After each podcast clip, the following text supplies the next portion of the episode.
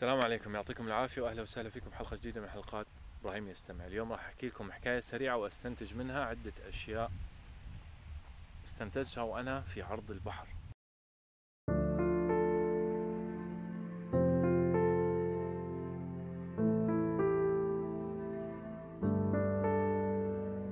اليوم رحت عملت سنوركلينج وهي الرياضة اللي بتنزل فيها في البحر عشان تشوف الطبيعة البحرية.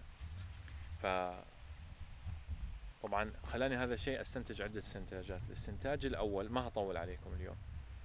الاستنتاج الأول هو أني أنا كنت عامل هذا الشيء من زمان ولكن في هاي المرة كنت خايف أكثر.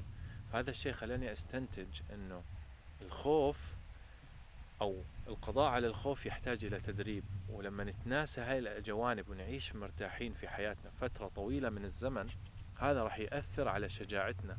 عشان هيك الشجاعة هي شيء يكتسب وليست شيء بس أنت مولود فيه خلاص. فأنت بإمكانك تكتسب الشجاعة لأنه الشجاعة هي أن تفعل رغم الخوف مش لانعدام الخوف. إذا انعدام الخوف فأنت سايكوباث عارفين شو يعني السايكوباث يعني اللي هذا ما بيحس ولا بيشعر ولا شيء.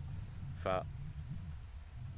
الشجاعة يمكن التدريب عليها. إذا أنت بتخاف من شغلة معينة أو شغلة مخوفاك كتير ومخليك تعتبر نفسك جبان لا. أنت بإمكانك تتدرب على أنك تبطل خايف من هاي الأشياء. كيف نعمل هذا الشيء؟ من خلال أنه نتعرض لهذا الشيء بدوزز أو بجرعات صغيرة. الجرعات الصغيرة هاي راح تقوينا ضدها. نفس لما ناخذ دواء معين. لما ناخذ دواء أو مش دواء فاكسين اللي هذا أخذناه على الكورونا. هو عبارة عن نسخة ضعيفة من المرض. فإحنا بس نتعرض لشيء بسيط منه راح تقوى مناعتنا عليه ونبنيها طبعا. كيف هذا الشيء بيصير؟ مثلا أنت عندك خوف من خلينا نحكي الكلاب لا القطط القطط ألطف هيك مثال لطيف. أنت عندك خوف من القطط. في البداية بتشوفي صور قطط بعدين بتشوفي كيف تعاملك مع الموضوع. بس يصير عندك الموضوع عادي بشوف فيديوهات قطط. أوكي. بعدين شو؟ بروح بمسك قطة صغيرة بروح على المحل وبمسكه هيك. يا سلام جميلة. أو لعبة مثلا. بعدين حقيقية. بعدين واحدة أكبر. وهكذا. فأنت بتبني مناعة أو ضد الخوف. مناعة ضد الخوف بتمرني نفسك. فهذا أول شيء استنتجته من رحلتي تحت البحر. الشيء الثاني اللي استنتجته اللي هو الجمال الشديد. جمال شديد قوي. شديد قوي هاي شو؟ بالصعيدي فعلا تحت البحر في جمال مش طبيعي. تنوع الأسماك.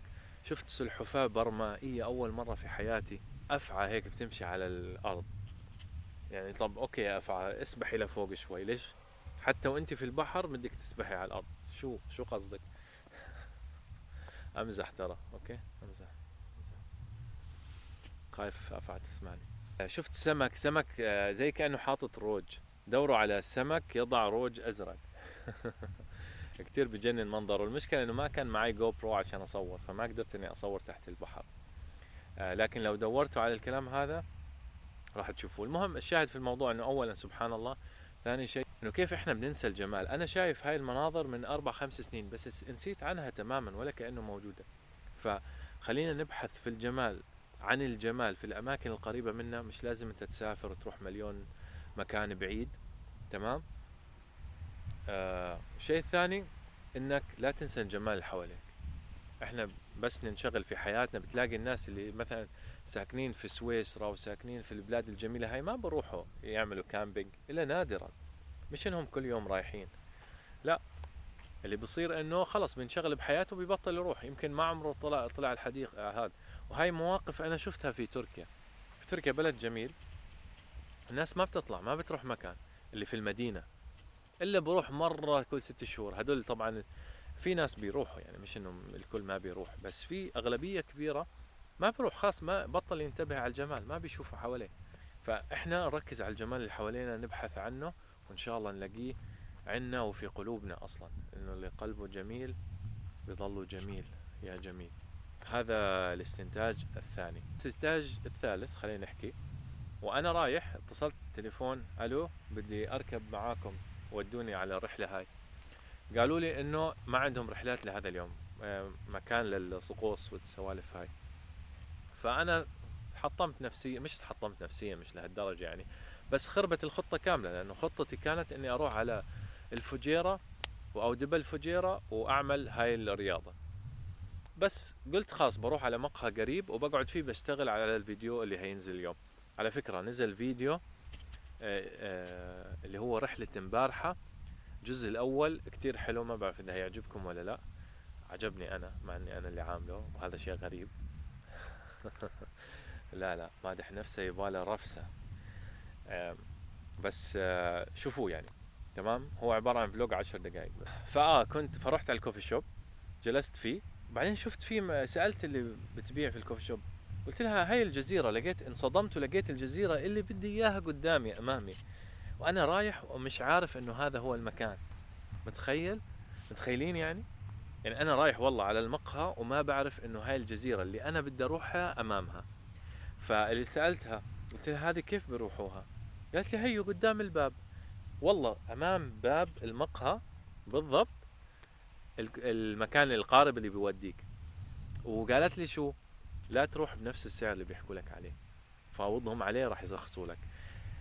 الشاهد في الموضوع أني رحت واستمتعت بأقل من 50% من اللي كنت هدفعه للناس الأوائل هذول الفلسفجية اللي قالوا لي روح اللي اللي المفروض كنت أروح لهم هم طلع ما عندهم موعد. وكان أصلا مكانهم بعيد فلازم أروح لهم. بعدين يأخذوني بالسيارة لهناك ف أو بالباص حتى تخيلوا التعب لوين.